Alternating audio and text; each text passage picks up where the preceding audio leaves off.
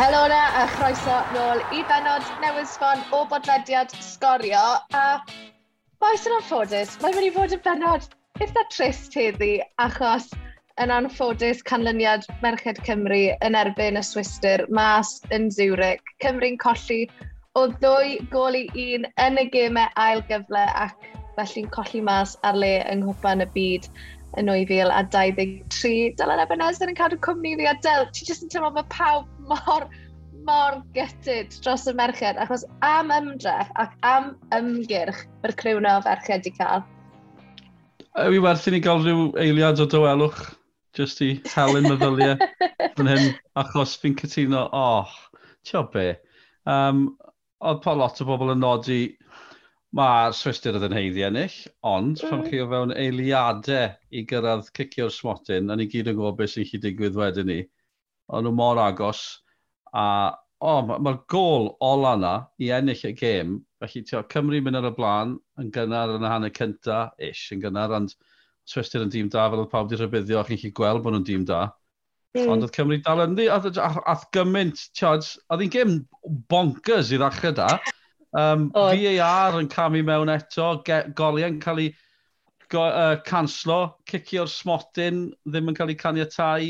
Um, tiod, sylwebwyr wedi drysu achos sgorio'r swister oddi ar y postyn o'r gicr smotyn, chi ddim yn cael gwneud hynny sy'n mynd y syth nôl ato chi, oedd just gymaint yn digwydd.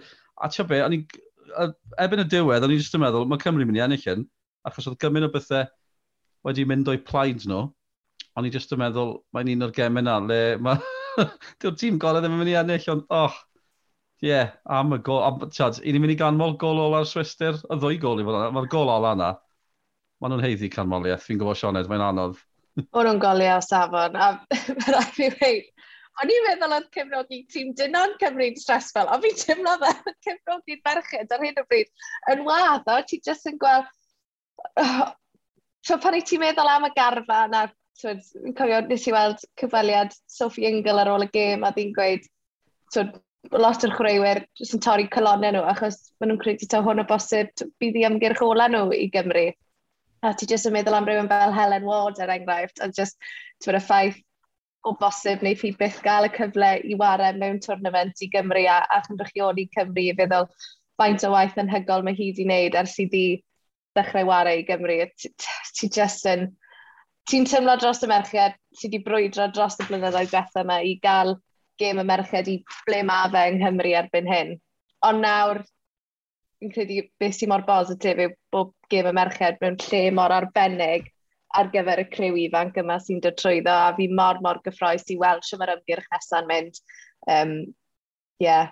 O, fi jyst mor gyftu dros y Fi'n credu bod y diwio pil droi drole wedi mynd, um, fi'n sori, ond chi'n mynd i gofod dioddau. Fi'n gwybod mae yna dyddiau gwell i ddod, dyddiau gwell i ddod hallelujah. Cymru, mae doi cwpan y byd yn cheeky. Chi ffili mynd i doi cwpan y byd, fe rai yeah. chi aros, fe rai chi aros. Hefyd, mae fe fel sy'n wedi cywasgu, oedd tîm pildro dynion wedi bod yn dioddau am bron hanner can mlynedd, a maen nhw fel sy'n merched wedi cywasgu hwnna gyd, maen i bim mlynedd. Ie. Yeah. Achos, just, mewn un gêm ni, wel, mas yn Zurich, ydy.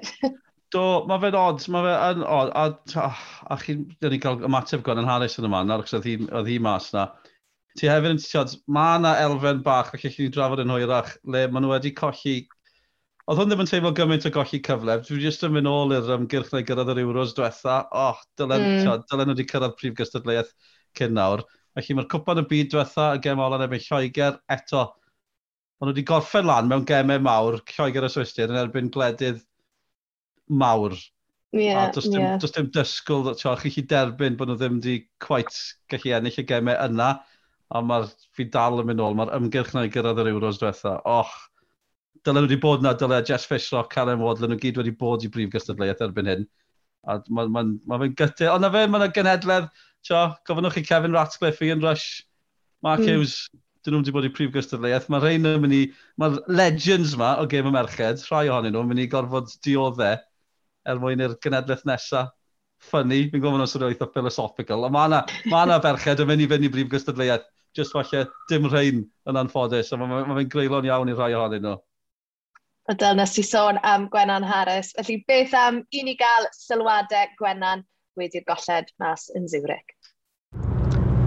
Yn amlwg yn siomedig iawn gyda'r canlyniad a natur y gol hwyr yna'n dorgolonis, ond oedd dim am amheth taw'r Swistir oedd y tîm gorau neithiwr ac yn heiddi mynd trwyddo i rownd y derfynol Cwpan y Byd yn Zeland Newydd ac Australia flwyddyn nesaf Cymru yn amlwg yn, yn siomedig dros ben ar ôl ymgyrch arbennig, ond fi'n credu fydd yna rwystredigaeth hefyd wrth edrych nôl. Just teimlo bod, bod ni ddim wedi cymryd y gêm i'r Swisir a jyst trio cael bach fwy o sylfaen yn y gêm fel o'n i wedi wneud ar dechrau'r ymgyrch.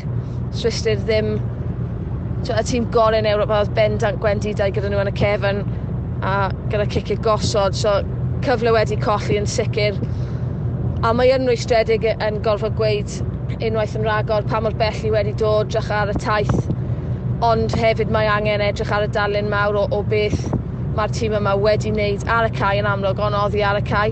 Ti'n edrych ar tîm ddoi um, o ran y Swistir sydd wedi cyrraedd Cwpan y Byd a dau pencapurithau Ewrop o'r blaen, a dim ond 7,000 oedd yn y stadiwm. Cymru heb cyrraedd rych y fannau yna eto, fi'n siŵr fydd e'n dod cyn hir, ond mae'r gêm di tyfu gymaint oddi ar y cae. Dyna chi Gwenan Harris, diolch am yr ymateb Gwenan, Gwenan Drion. Os yna'n cynnig sy'n lot o gwsg yn teithio nôl ben bore o Zurich a fyny yn haslo i am ymateb. Hefyd, o mar y teg. Falle mae'n ar pwynt, Sioned, fi'n gwybod, oh, dyn nhw wedi cyrraedd y gystadleuaeth, ond mae yna ma, na, ma na ddarlun mwy o ran gêm y merched, falle.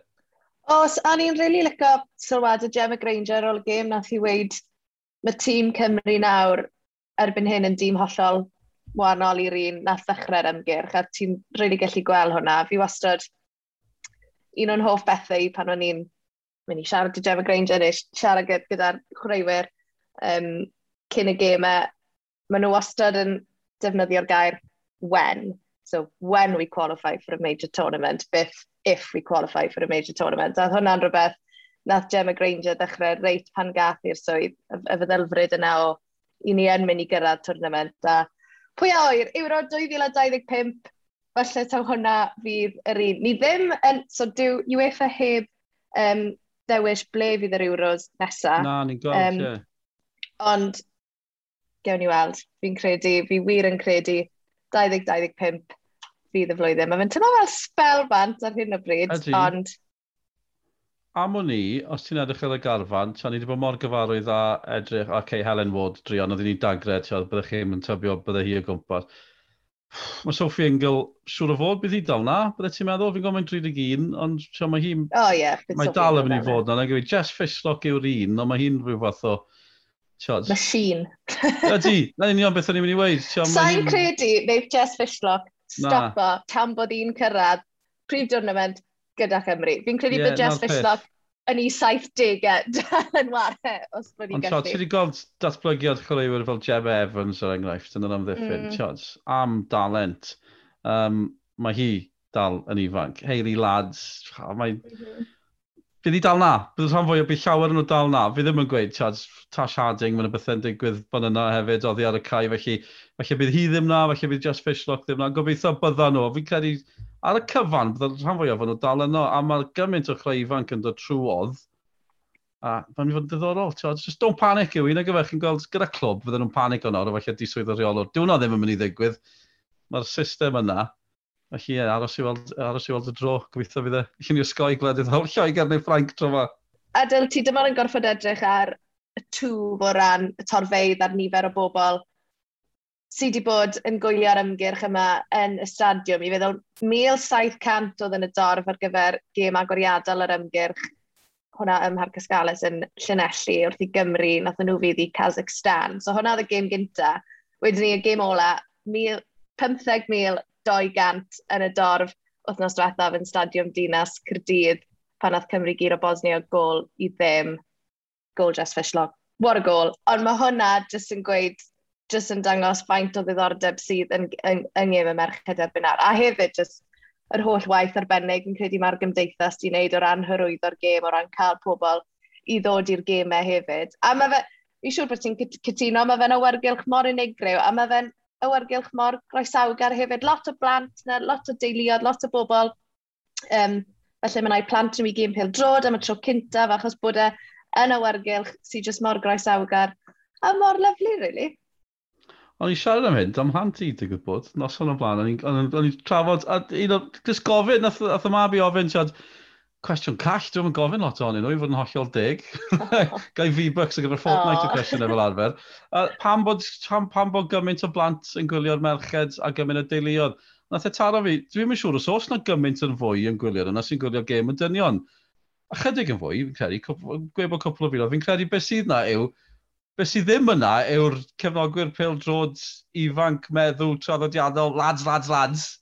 Dyn nhw, mae rhai o'n yna, ond chi tynnu hwnna allan ohoni, a mae ydych chi 15,000 o blant y deuluodd. A fi siŵr mae'n, falle mae'n ar y gyfran, y, gyf, y gyfartaledd fel petai, mewn gêm y dynion. Just chi ddim yn gweld yeah, yeah. Tiad, yr, yr idiot, ond tiad, o fi'n hoffi'r idiot hefyd, felly bydden nhw'na. A ti'n ti cael cefnogwr oddi cartre, a ni'n clywed yeah. ychreuwyr yn sôn o blaen, o'ch chi'n mynd oddi cadre, a jyst teuluodd bydden na'n gwylio chi.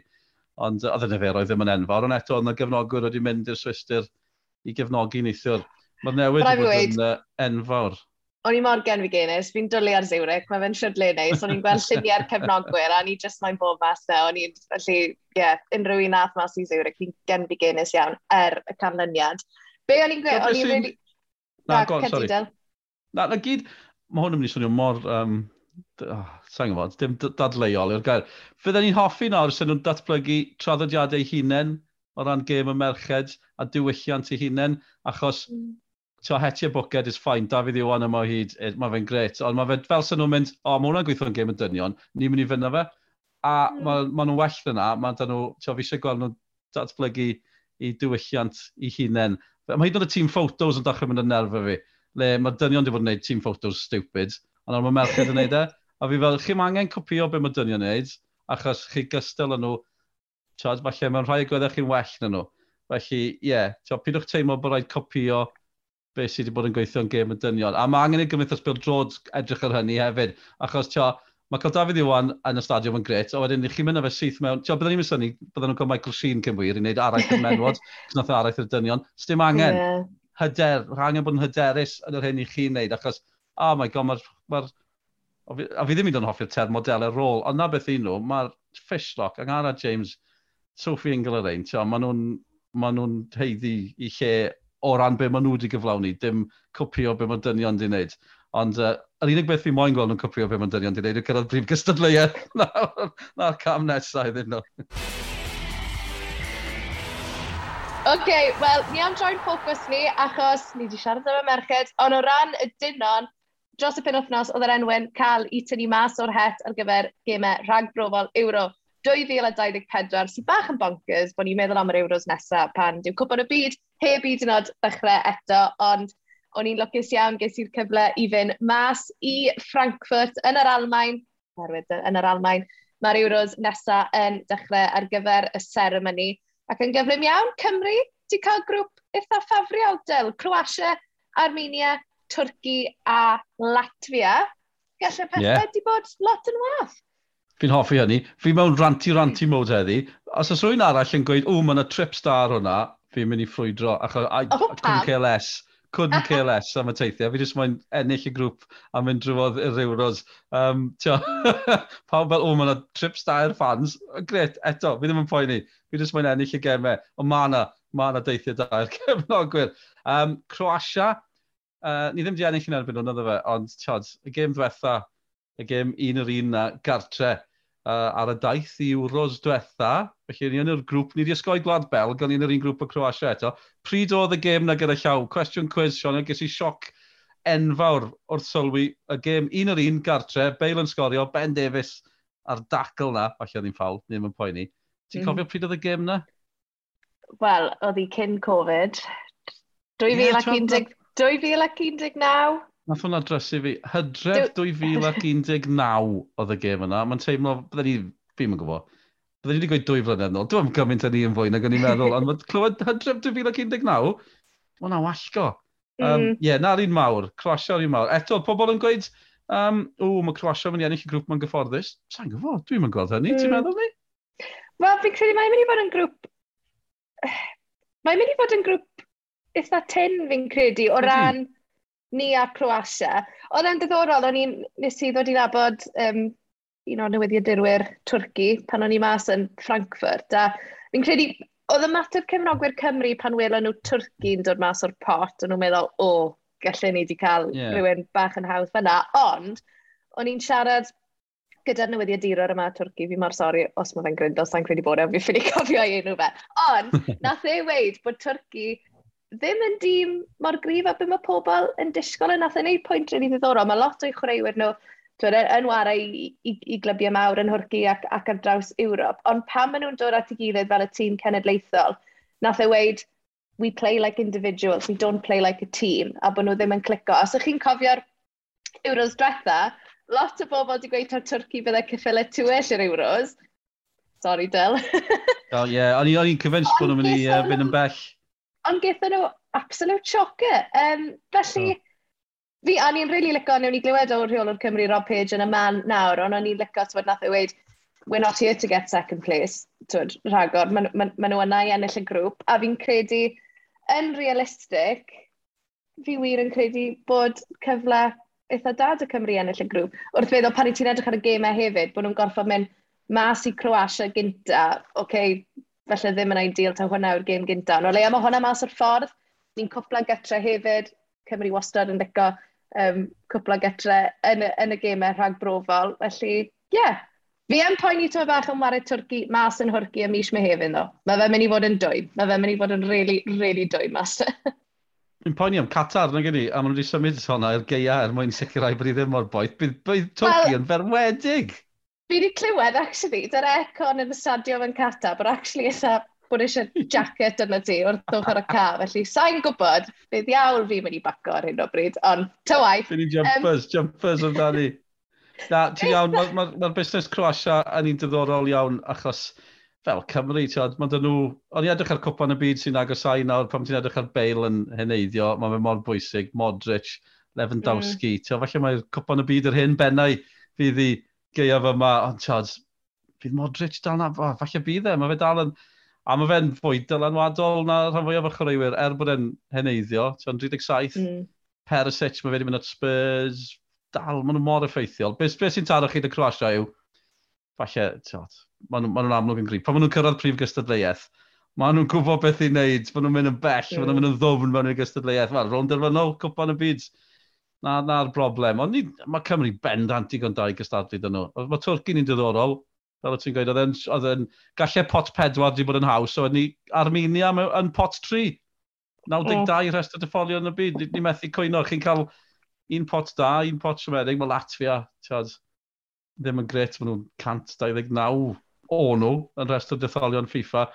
Felly heblaw am Twrci, mae hwnna wedi bod yn dda iawn, fi'n credu, i Gymru. A fel ti'n gweud, dim, tiad, ni ddim na i crafu'r ail safle, ni angen cystadlu am y safle cynta. A fi rili really mae'n mynd i'r Almain, i'r gystadleuedd. Nw'n ni drafod yr Almain wedyn. Mae Sioned yn cytuno da fi, achos fel ydw Sioned, uh, oedd hi'n siarad, a Robert Page ar ôl yr enwyn oedd allan o'r fowlen. Well, Rob, here we go. I know the World Cup's just around the corner, but yeah. focus has turned to Euro 2024. Your initial reaction to that draw in the group? Yeah, I think we've got to be pleased, Sioned. I think, firstly, we've avoided uh, Belgium. and Roberto's been interviewed next door to us, so I've got to be careful how loud I say that. But um, no, I think they'll feel the same. You know, we've we've avoided them. I think if we were to put on paper um, what our sort of wish list, and that's not being disrespectful to any of the teams we're up against, but to give ourselves the best chance of qualifying, um, I'm, I'm pleased with the group. The two names that probably stand out, you know, in terms of who could be tricky opponents are Croatia and Turkey. And of course, there's recent history there with those two teams as well. Played against both teams, most recently against Turkey in the Euros, and uh, and that was arguably one of our best performances in, in recent months and years. So we, we'll be full of confidence going into that fixture, of course. But you know, maybe maybe things have changed now. You know, we're not looking to um, maybe nick second spot anymore. Uh, I think with what we've achieved in recent years, I think we're now set the bar high and, and the standards and um, and expectations, and we'll be looking to you know to top that group. So. Um, we're looking forward to the start of it, albeit a World Cup in between. And Latvia and Armenia, Rob, how much do you know about them? Well, we played against them again before, so um, you know, a different team to what we played against in recent years, of course. So we'll, like we do with every other fixture, we'll, we'll do our homework, have a look at the analysis, and uh, and and you know, and, and look forward to that fixture as well. And I've got to say, you know, wherever Wales go, wherever Cymru go, the support is always fantastic with the Wales away fans, and you're expecting more of the same because the games start in March, don't they? Absolutely, yeah. As soon as the World Cup's finished, you know, we'll be we'll be looking forward to the games in March. Um, and today now we'll arrange who we're playing and, and the dates and, and get them finalised, so we'll know before we leave who we're playing and, and, and when in March. So um, it was interesting as well. You know, you speak about the supporters there. Um, just speaking to you know some of the, the staff that work for the, the Austrian FA, and, and they they just mentioned the anthem to me. You know, and that, that's incredible. They knew by looking at our players when the anthem was being sung that they were in for a tough game, and how nothing. There's no bigger compliment I can play our supporters because of that. That's absolutely great to hear. And I've got to ask, Rob, you know, the football calendar, it's a bit bonkers at the moment. We've got a Winter World Cup, which has never happened before. These qualifiers will start in March. You know, as a manager, as a coach, how difficult is that going to be to navigate because your players are going to be playing a lot of football? Yeah, they will, but it's, it's exciting time, Shauna, isn't it? You know, we're all looking forward to the World Cup. We can't wait to, until we get out there. The, the excitement building up to it now. I feel it myself. You know, we're six, less than six weeks away, I think. So we're all looking forward to that, and that's why we're in this. You know, we all want to be a part of major tournaments. We all want to be involved in the qualifying games building up to it as players and coaches and managers. So exciting times ahead. But we'll, like you said, we'll have to. You know, we've got a nervous few weeks now, making sure that everybody gets on that plane that we want on the plane. And then once we've had a, a successful World Cup and take all the positives from that, then we can build into March. And qualifying for the Euros for the third consecutive time, that wouldn't be too bad, would it, Rob? What an achievement that would be for that group of players. Absolutely, you're right. You know, it's exciting times at this moment in time, and it's important now that we keep continuing to build on that momentum and, and keep bringing the, the, the younger players through, like we did on the last camp. We brought two, a 17 year old and an 18 year old in Luke Harris and JJ, and, and they enjoyed the camp, and, and we enjoyed um, seeing them, you know, up, up close and personal, and uh, and what they what they can do, and the future is bright for them as well, and, and introducing them to the future. Rob, diolch yn fawr. Thank you. Diolch. Wel, oedd hi'n braf iawn. Cael sgwrsio gyda Robert Page unwaith eto, ni'n rili really licio byn ddweud am Roberto Martinez, achos pan o'n i'n neud y cyfweliad yna, oedd Roberto Martinez literally yn sefyll reit dros nesau ni, felly pawb yn falch bod ni ddim yn goffo war y Gwlad Belg eto, er bod fi'n dylu ar y boi o'n i'n eitha falch, bod fi ddim yn gorfod cyfweld ar Roberto Martinez unwaith eto. Ond dyl yr Almain, Wff mae pawb jyst mor gyffroes. Achos pan i ti'n meddwl am yr Euros dretha, cwpan y byd dretha yn Russia, mae fe nawr yn digwydd yn Qatar. Hwn fydd yr Euros neu'r twrnament normal gynta os lygu di, ers Ffrainc yn 2016 ac am wlad i gael yr Euros. Lot o gwrw oh. da joio. Perffaith, perffaith. Ni ddim yn cwyno, os na pam ni eisiau Cymru i gyrraedd dda. Tio be, Qatar, Rwysia, ddim y lleoliadau mwyaf delfrydol, falle erbyn hyn mae Rwysia'n edrych yn hollol wahanol, wrth gwrs, gyda beth sy'n digwydd yn Ukraine, ond ar y pryd mm. oedd yn teimlo'n yn ddadleuol, yn amlwg, a wedyn ni, oedd yr Euros diwetha ddim yn syniad da, hyd yn oed cyn Covid, yn gyfer, yw syniad platini, dathlu 60 mlynedd, 12 dinas ar draws Ewrop, sy'n ots bod ni'n hedfan bobl, newid hinsawdd, whatever, ti'n oedd i weithio ddim yn mm. poeni am hynny, ond yn wallgo. A wedyn mae Covid yn glanio, a, a tiad, Fe welson ni'n Ffrainc sut mae cystadleuaeth i fod. Ma, ni ddim yn cwyno fod Cymru'n cyrraedd y cystadleuaeth yma, ond byddai'n braf cyrraedd un sy'n fwy tebyg i'r cystadleuaethau arferol. E, Fi'n cofio mynd yr Almain, fel cefnogwr, o'n i'n checio nawr pryd oedd e, 2007 gyda Cymru gêm ddi sgôr yn Frankfurt.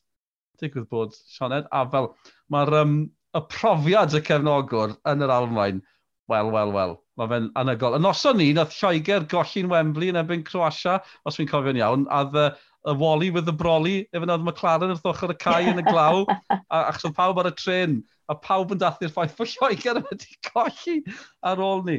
Ond ie, yeah, mae dy ti, jyst y profiad y cefnogwr, mae dinasoedd yr Almain, mae yna, mae yna ardaloedd newydd a stwff, ardaloedd ariannol, erig yn Frankfurt, mae yna rhyw hen dref, a strydoedd cobl, a bariau bach, a o, mae'n lyflu, a chi fynd i'r gym, mae yna Frankfurters bob man, amlwg yn Frankfurt. Mae'r bwyd yn dda, mae'r croes yn dda, mae'r cwr yn dda, mae'r pil pildroed yn dda, mae'r meisydd yn ffantastig. Please, please, please, ni angen cyrraedd e. a hefyd cyrraedd yr Euros am y trydydd tro yn elynol hefyd, bydde hwnna'n dipyn o gamp. Bydde hwnna'n dipyn o gamp uh, i Gymru. Fi'n teimlo fel ni'n cael yn sbwylo tyma bach.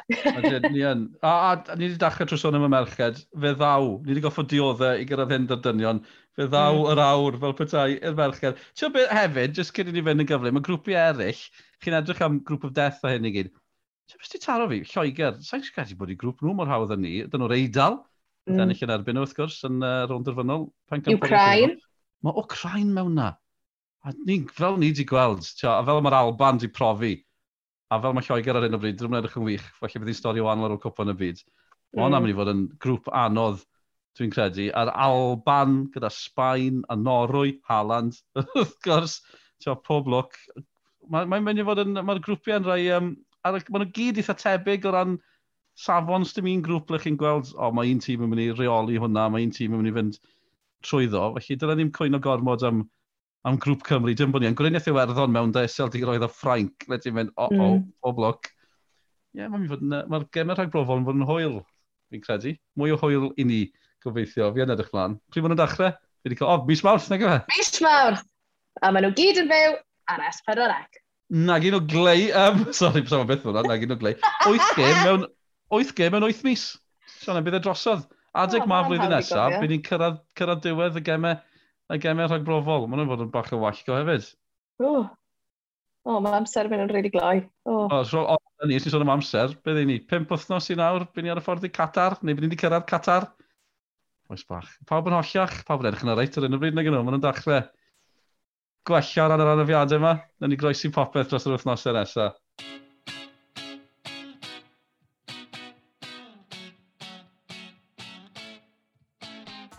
dyna ni am benod arall. Diolch yn galon am eich cwmni chi heddiw yma. A jyst yn cydgoffa chi, mae na lot o gemau byw o uwch gynglau'r Cymru'n dolan ar sgorio dros yr wythnosau nesaf. Nos Wener yma i ni'n byw ar-lein Aberystwyth yn erbyn Hwlffordd, a wedyn ni penwthnos nesaf ar ddydd Sadwn y Flint yn erbyn Ebus, a wedyn ni'r penwthnos wedyn ni ar yr wythfed ar hugen o Hedref Ceicona yn erbyn y dre newydd. Felly rhaina i gyd yn fyw ar sgorio. Mae byd wedi cyrraedd diwedd Hydref bobl bach. Calan Geia ar y ffordd. Diolch am rando. O, oh, Merched Cymru, ni mor sori, ond fe ddaw yr awr, ffynwch poeni. Cyn mynd hefyd, mae rai fi sôn Sioned am Arsenal. Dwi ddim yn mynd i frolio ffaith bod pethau fynd yn dda. Dwi jyst eisiau dyfynnu Barney Rowney sy'n sgwennu adroddiadau pêl droed fel bron neb arall. Mae David Pritchard gyda ni yng Nghymru sy'n sgwennu adroddiadau campus. Barney Rowney disgrifio Arsenal yn erbyn Lerpwl, y ffordd nhw'n ymosod ar high press o draws y cae fel a mist of controlled movement.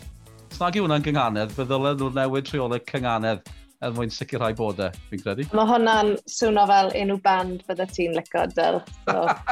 O'n i'n really licio... Just cyn i ni fynd, fi'n addo dyw ond ddim yn mynd i droi mewn i bodlediad Arsenal er fi'n eitha siŵr rhyw ddiwrnod fe wneud fi. O'n i'n licio, nath rhywun weid, oedd Pep Guardiola mor bod o just ennill popeth, nath e greu rheolwr i hun yn Mikel Ateta, rhoi cwbl o chwaraewyr iddo fe, just fel bod e'n gallu cael her bach. a fi'n teimlo fel beth sy'n digwydd. Diolch Pep. Top man Pep, diolch yn fawr iawn. A diolch i chi am ymuno gyda ni, welwn i chi cyn fy hir. Ta-ra!